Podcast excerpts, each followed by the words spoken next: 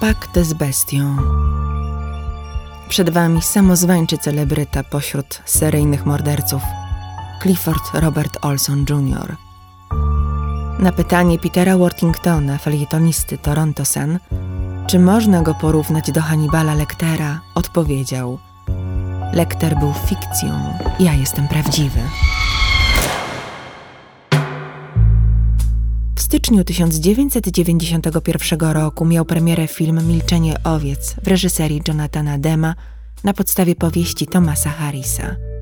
Uwięziony od 10 lat Olson próbował naśladować postać z filmu i książki, czyli Hannibala Lectera, udzielając wywiadów i udając znawcę tematu, który może pomóc w rozwiązaniu sprawy osławionej serii morderstw popełnionych nad Green River. Na marginesie dodam, że mordercę odpowiedzialnego za te zbrodnie, Garego Ridgwaya, złapano dopiero 10 lat później i to dzięki badaniom DNA, a nie konsultacjom z Olsonem.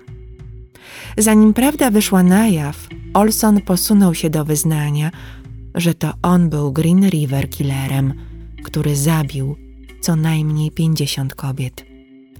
Wiedział, że nad rozwiązaniem tej zagadki ciężko pracował słynny agent FBI John Douglas, autor książki Mindhunter i pierwowzór głównego bohatera serialu Netflixa.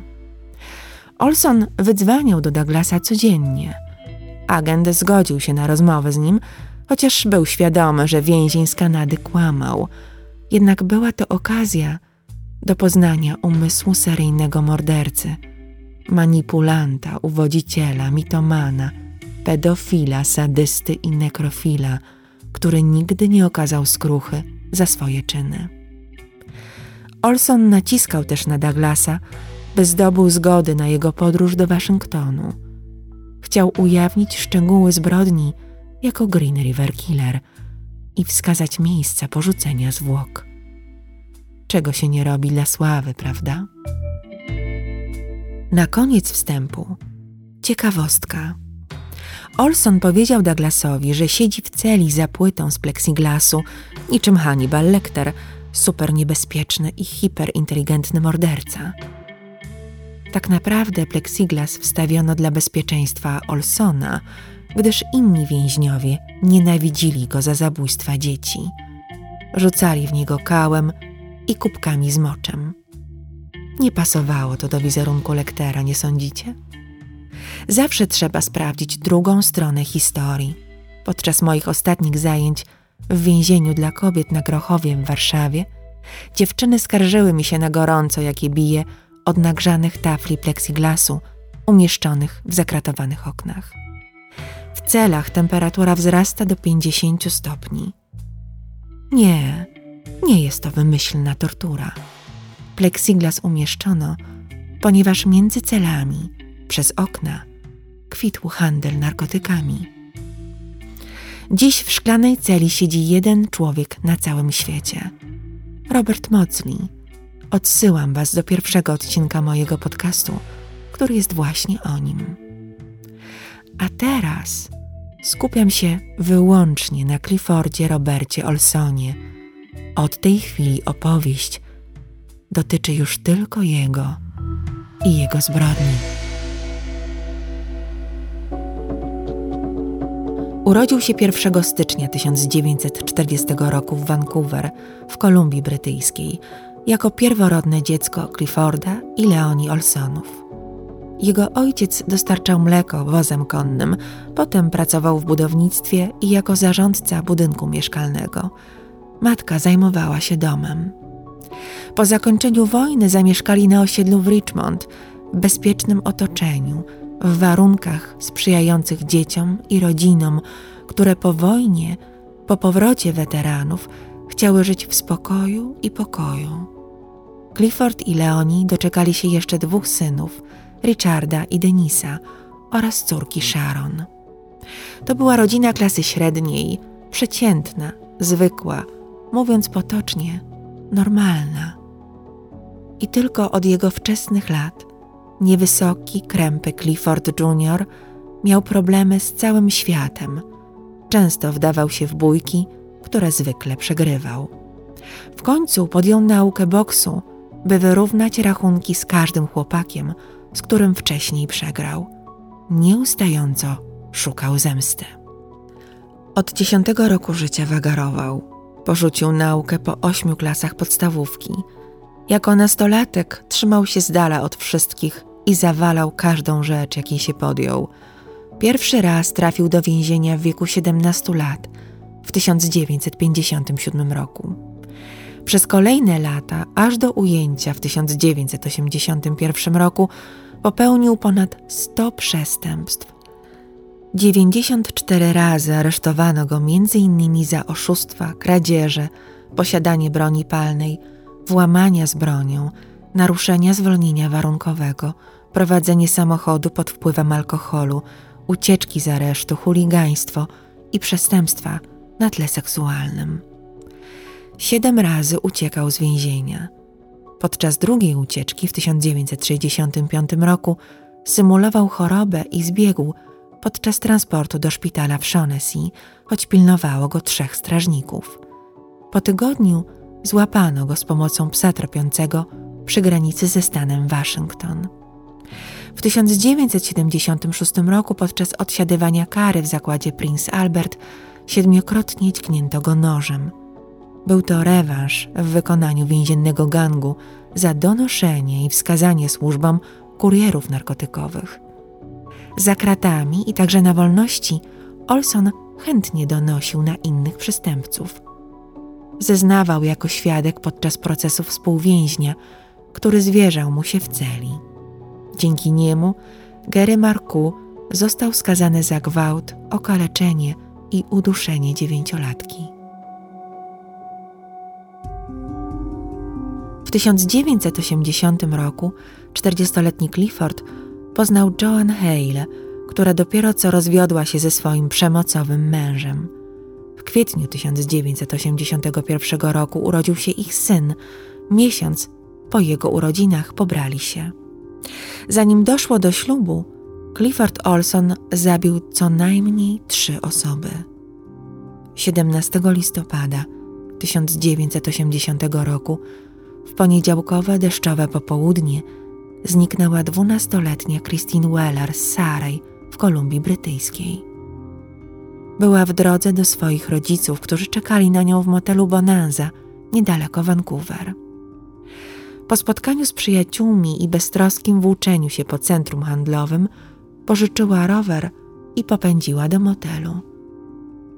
Nie dotarła do rodziców, a ci byli pewni, że została na dłużej u znajomych. Dopiero po tygodniu zgłosili zaginięcie.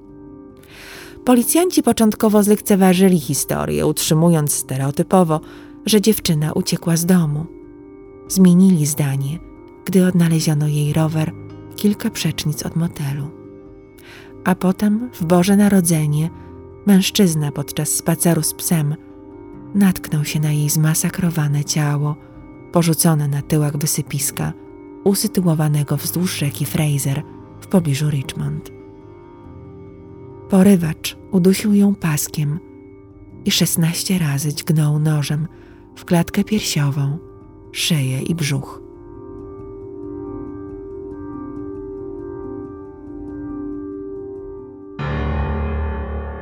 Dziesięć miesięcy później odnaleziono ciało nieśmiałej, długowłosej, trzynastoletniej Colin Marian Daino, która zaginęła 16 kwietnia 1981 roku.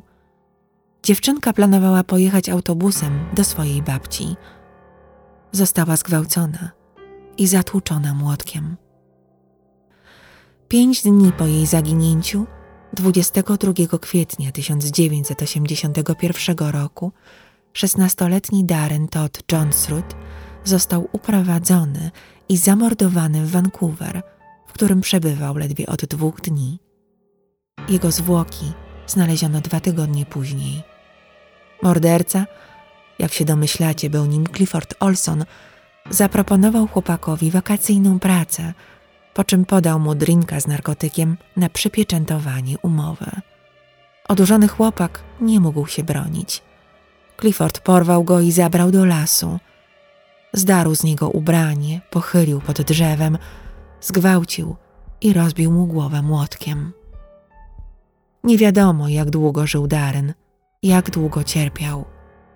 Podobno chłopak pytał przed śmiercią: Dlaczego mi to robisz, Cliff? 19 maja 1981 roku zaginęła 16-letnia Sandra Wolfsteiner z Langley. Olson dopadł ją cztery dni po swoim ślubie. Czekała na przystanku autobusowym. Sama wsiadła do jego samochodu, czymś musiał ją zwabić i wywiózł do lasu, gdzie uderzył ją w głowę, wykorzystał i zabił młotkiem. Gdy odnaleziono jej szczątki, zostały z niej tylko kości. 21 czerwca zniknęła podczas spaceru trzynastoletnia Ada Anita Kort. Opiekowała się dzieckiem swojego brata i szwagierki w Coquitlam, w tym samym kompleksie apartamentów rodzinnych, którym mieszkał Olson. Policja nie zwróciła jeszcze na to uwagi. Dziewczyna zginęła od ciosów młotkiem. Za kilka miesięcy zostanie odnaleziony jej szkielet z pogruchotaną czaszką. W lipcu 1981 roku morderca porwał i zabił sześć kolejnych ofiar. 2 lipca dziewięcioletni Simon Partington z Sarej został upojony piwem, zgwałcony i uduszony. Jego zniknięcie było punktem zwrotnym w jak na razie rozproszonym śledztwie. Dotychczasowi zaginieni byli w wieku, kiedy ucieczka z domu rzeczywiście wchodziła w grę. W przypadku dziewięciolatka absolutnie nie brano takiej możliwości pod uwagę. Drobny chłopczyk na pewno został porwany. W ostatni dzień życia Simon po obfitym śniadaniu wskoczył na rower i pojechał do domu kolegi. Nigdy do niego nie dotarł. Jedna z jego szkolnych prac nosiła tytuł Głodny tygrys i łatwowierna kaczka. Szkoda, że chłopczyk nie zapamiętał nauki, jaka płynęła z tej historii i dał się omamić drapieżnemu mordercy. 9 lipca kolejną ofiarą została 14-letnia Judy Kozma z New Westminster, zgwałcona i zaćgana. Jej ciało odkryto 25 lipca w pobliżu jeziora Weaver. Co ciekawe, był naoczny świadek uprowadzenia dziewczyny, 18-letni Randy Ladlau, który siedział wówczas w samochodzie Olsona. Nie wiedział, że jego znajomy zabił kilka dni wcześniej dziewięciolatka, a dwa dni wcześniej oskarżono go o napaść na szesnastolatka. Randy jechał z nim w stronę centrum New Westminster. Judy właśnie skończyła rozmawiać w budce przez telefon. Gdy wyszła, Olson zauważył ją i pomachał do niej. Zatrzymał się, a ona podeszła do niego, uśmiechnięta, i opowiedziała o swoich planach. Wybierała się do Richmond, najpierw do koleżanki, a potem na rozmowę o pracę w restauracji Wendy's. Nastolatka pracowała już na pół etatu w McDonald's jako kasjerka, zresztą tam poznała swojego mordercę, ale potrzebowała drugiej pracy w lepszym miejscu. Wskakuj, zabierzemy cię tam, powiedział Olson, według świadka. Dziewczyna była bardzo zadowolona, że nie musiała jechać autobusem. Przyjechali na miejsce za wcześnie, dużo przed czasem umówionej rozmowy o pracę. Wysiedli, żeby kupić więcej piwa, po czym wrócili do auta i Olson wspaniałomyślnie zaproponował Judy, by nie starała się o posadę kelnerki, tylko przyjęła pracę u niego. Miałaby myć okna za 10 dolarów na godzinę. I tak, nie jadąc nawet na rozmowę do restauracji, cała trójka wróciła do New Westminster.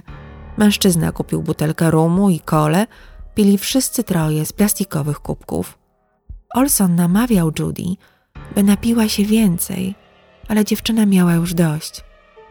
Randy widział jej rozpaczliwe miganie się od picia i podał jej samą kolę, udając, że dodał do niej alkohol.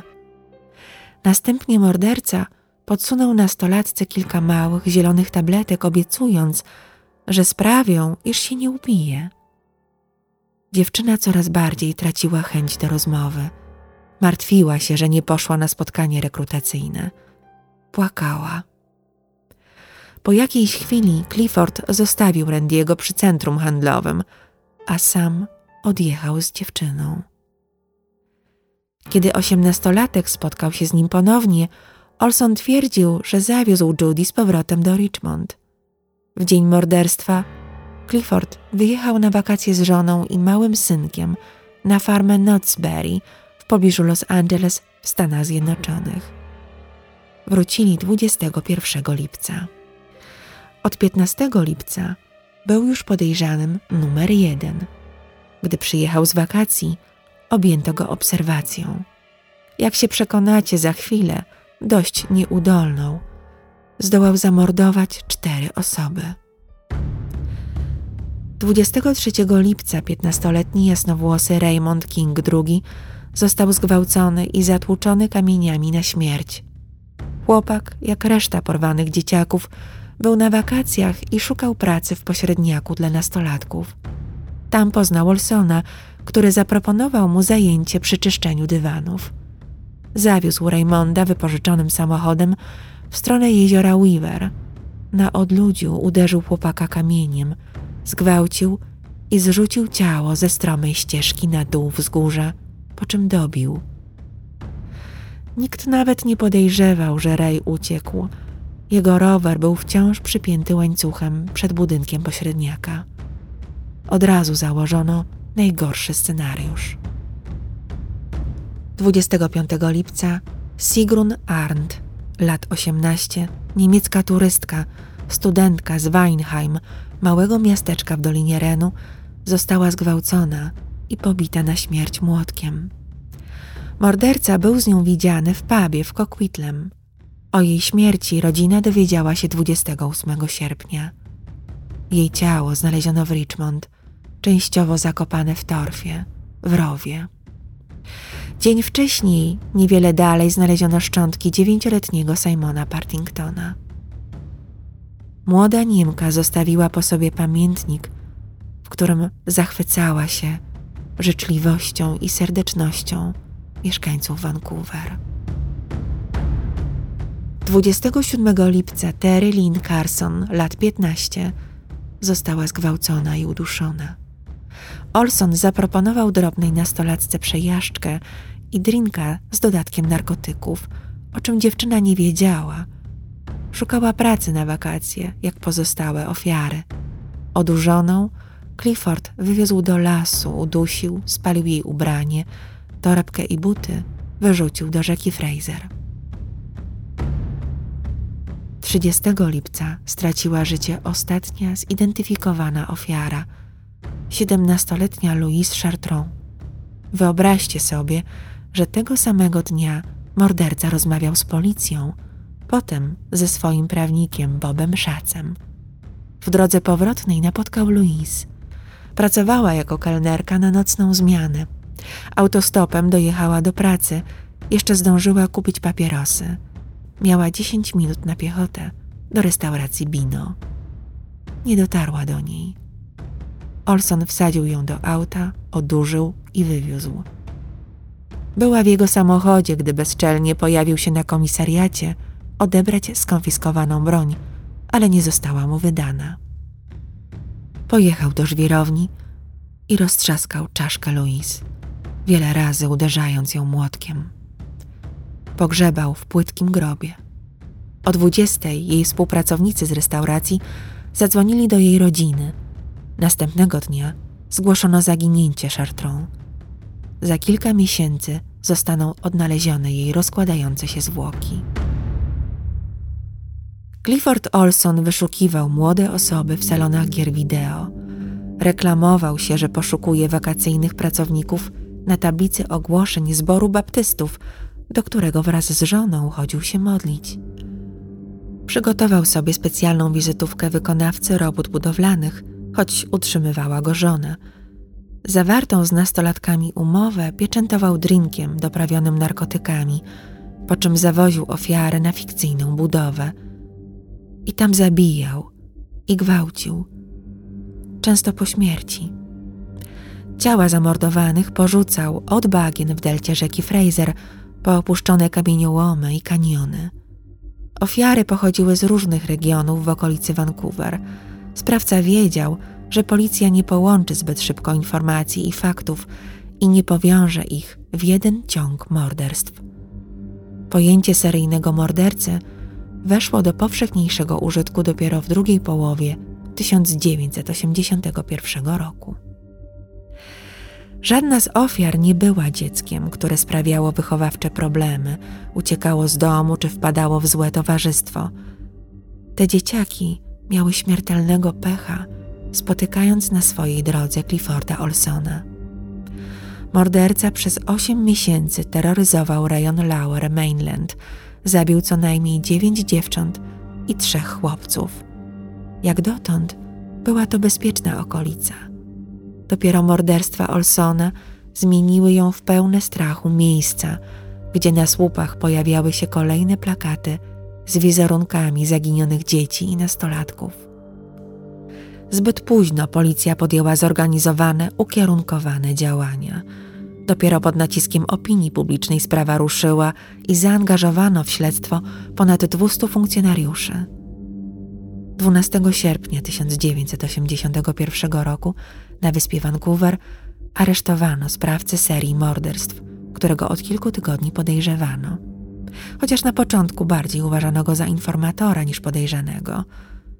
Wiecie już, że był nim niepozorny, mierzący 170 cm wzrostu, ważący nieco ponad 70 kg, sympatyczny Clifford Robert Olson Jr., pracownik budowlany z Coquitlam, świeżo upieczony mąż i ojciec niemowlęcia został zatrzymany, gdy usiłował porwać kolejne dwie ofiary młode autostopowiczki. W jego samochodzie znaleziono książkę adresową należącą do Judy Kozmy. Sąd w Chilliwack skierował go najpierw na testy psychiatryczne. Po dwóch tygodniach oskarżono go o zabójstwo Judy. 31 sierpnia miał już postawionych kolejnych osiem zarzutów morderstwa dzieci i nastolatków. I wydarzyło się coś wprost niesłychanego, bezprecedensowego w historii kanadyjskiego i nie tylko wymiaru sprawiedliwości. Po aresztowaniu Olson zaproponował, że z przyjemnością ujawni, gdzie znajdują się nieodnalezione ciała jego ofiar. Stawka? 10 tysięcy dolarów od zwłok, razem 100 tysięcy jedenaste zwłoki oferował w gratisie. I wiecie co? Chociaż królewska kanadyjska policja konna nie wyraziła na to zgody, prokurator generalny brytyjskiej Kolumbii Alan Williams przystał na warunki narzucone przez mordercę. Podobno wszystko dla dobra rodzin ofiar. By nieco złagodzić wymowę i znaczenie szokującej transakcji, Pieniądze przekazano na fundusz powierniczy dla żony Olsona, Joan, z którą był już wtedy w separacji, i ich maleńkiego synka, Clifforda III. A Olson zadzwonił po dobiciu targu do swojej żony i powiedział jej: Kochanie, będziesz bogata. Rodzina mordercy otrzymała rzeczywiście 100 tysięcy dolarów w gotówce, a potem nie zamierzała ich zwrócić. Prokurator Williams tą decyzją zaprzepaścił swoją dalszą karierę. Druga oferta, jaką Clifford złożył władzom, brzmiała: 20 kolejnych grobów po okazyjnej cenie 100 tysięcy dolarów.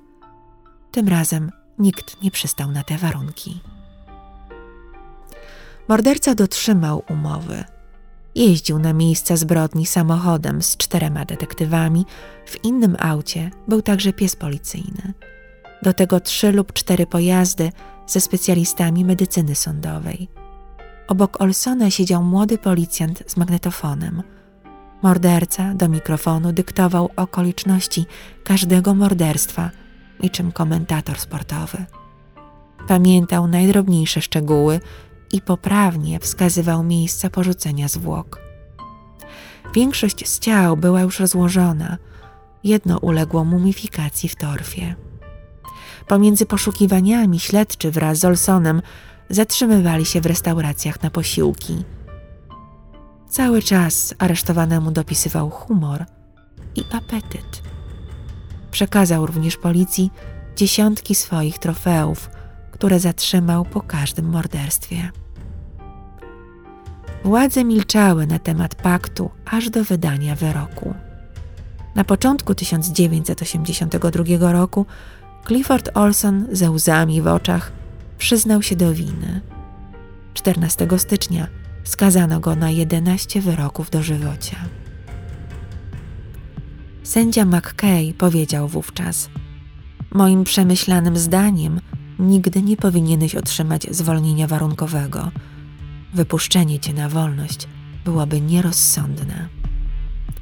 W trakcie transportu do więzienia, po ogłoszeniu wyroku, Olson powiedział strażnikowi, że jeśli kiedyś wróci na wolność, zajmie się tym, na czym skończył.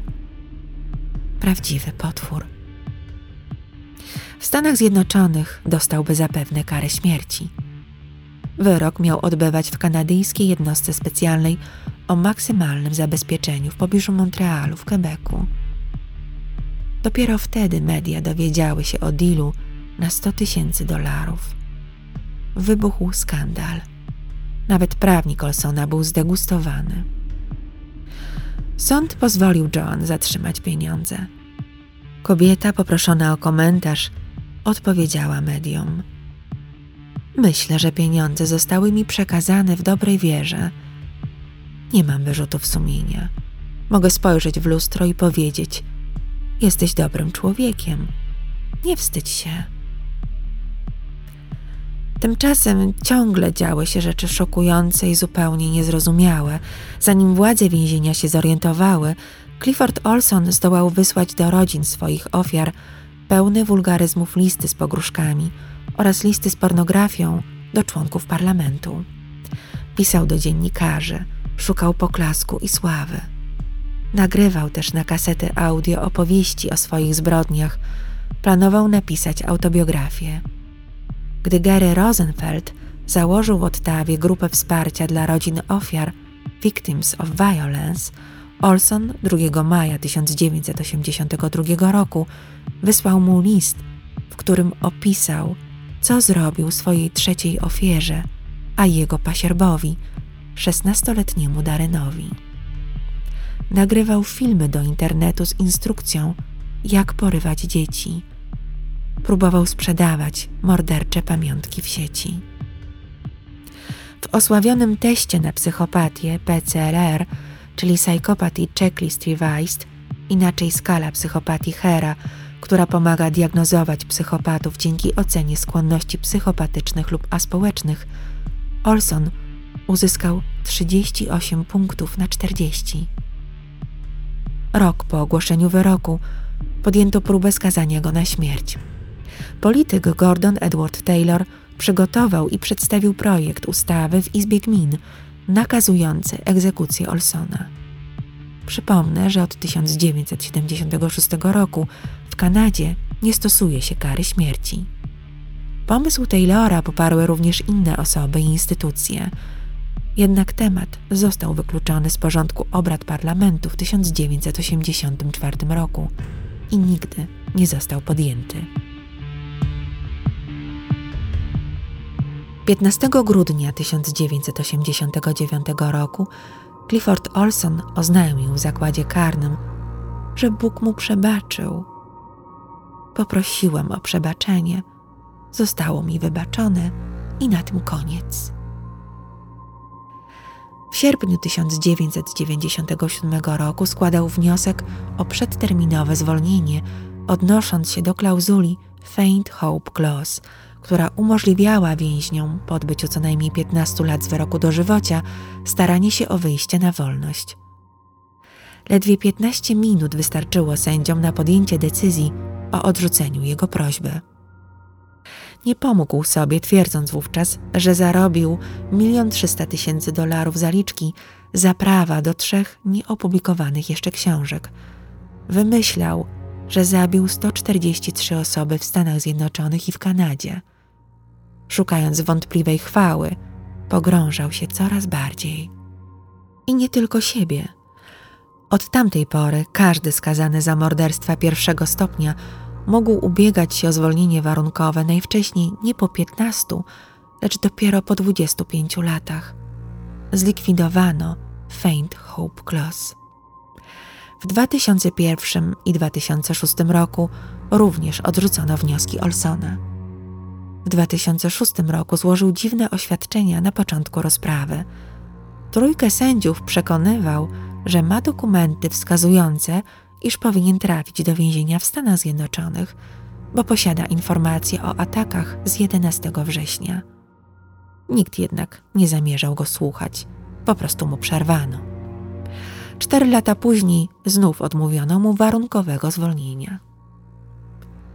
W marcu 2010 roku wyszło na jaw, że Olson otrzymuje od ukończenia 65 roku życia świadczenia emerytalne w wysokości niemal 1200 kanadyjskich dolarów miesięcznie, tak jak każdy inny obywatel spełniający wymóg długości pobytu w Kanadzie.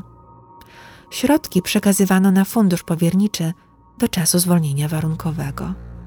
Sam Olson poinformował o tym redakcję Toronto Sun. Utrzymywał również, że w Australii posiada konto bankowe, na którym zgromadził około 500 tysięcy dolarów ze sprzedaży pamiątek po morderstwach przez stronę killerauction.com. Do całego zamieszania, jakie wywołał, dodajmy jeszcze, że utrzymanie więźnia w zakładzie o podwyższonym zabezpieczeniu kosztowało wówczas ponad 110 tysięcy dolarów rocznie. Utrzymanie seryjnego mordercy przy życiu rzeczywiście było sporym wydatkiem dla społeczeństwa. Po wielu petycjach i wielkim medialnym szumie rząd kanadyjski 1 czerwca 2010 roku wstrzymał płatności dla mordercy. Od tamtej pory rząd federalny zaprzestał wypłacania emerytur więźniom, którzy przebywają w areszcie dłużej niż dwa lata. Olson, jak słyszycie, wciąż pogrążał sobie podobnych, doprowadzając swoim postępowaniem do zmian w prawie. Do końca próbował namieszać wszędzie, gdzie się dało. Wysłał darowiznę na rzecz Partii Konserwatywnej Kanady i poprosił o pokwitowanie podatkowe. Partia odrzuciła jego datek. Zmarł 30 września 2011 roku w więziennym szpitalu w Laval w Quebecu w wieku 71 lat. Przyczyną śmierci był rak. Władze nie zezwoliły na wzniesienie pomnika nagrobnego ani na żadną ceremonię pogrzebową. Po jego śmierci Raymond King, ojciec piętnastolatka, którego zabił Olson, powiedział dla The Canadian Press: Nigdy więcej nie pojawi się w naszym życiu. Już nigdy nie otworzy tych ran. To już koniec. Na stronie murderauction.com znalazłam 10 zdjęć i dokumentów związanych z Olsonem, wystawionych za kwoty od 7,5 do 150 dolarów. Nikt nie obserwuje tych aukcji, nikt nie jest zainteresowany. Zdaje się, że Clifford mocno podkręcał swoją wartość, skoro nawet amatorzy pamiątek po mordercach nie wyceniają go zbyt wysoko. Sam siebie nazywał bestią z brytyjskiej Kolumbii, Beast of British Columbia. Żaden psychiatra czy kryminolog nie wyjaśnił, czemu Olson był taki, jaki był. Pedofil, nekrofil, sadysta seksualny, który przyznawał się do napaści na trzydzieścioro, a może nawet czterdzieścioro dzieci obojga płci w wieku od pięciu do dziesięciu lat oraz na setkę młodych ludzi w wieku od szesnastu do osiemnastu lat. Fascynował się i upajał chwilą, gdy z jego młodziutkich ofiar uciekało życie. Był poczytalny i inteligentny, w domu otoczony miłością i zrozumieniem, a mimo to od 17 roku życia spędził na wolności zaledwie 1501 dni. Ojciec i matka, aż do ich śmierci w 1988 i 1989 roku, wspierali Clifforda. Bracia i siostra ostatecznie zerwali z nim kontakty w 1989 roku. Źródła, z których korzystałam przy przygotowaniu opowieści dla Was, to CTV News, The Canadian Press, Globe and Mail, Toronto Star oraz książki Jack Rosewood i Rebecca Lowe The Big Book of Serial Killers, John Douglas i Mark Olshaker Motywy zbrodni, metody działania agenta specjalnego FBI. Przy okazji polecam znakomitą książkę Anne Rule o Garem Ridgewayu, morderca z Nad Green River. Żadna z moich polecajek nie jest reklamą. Podsuwam wam jedynie książki, które zrobiły na mnie dobre wrażenie.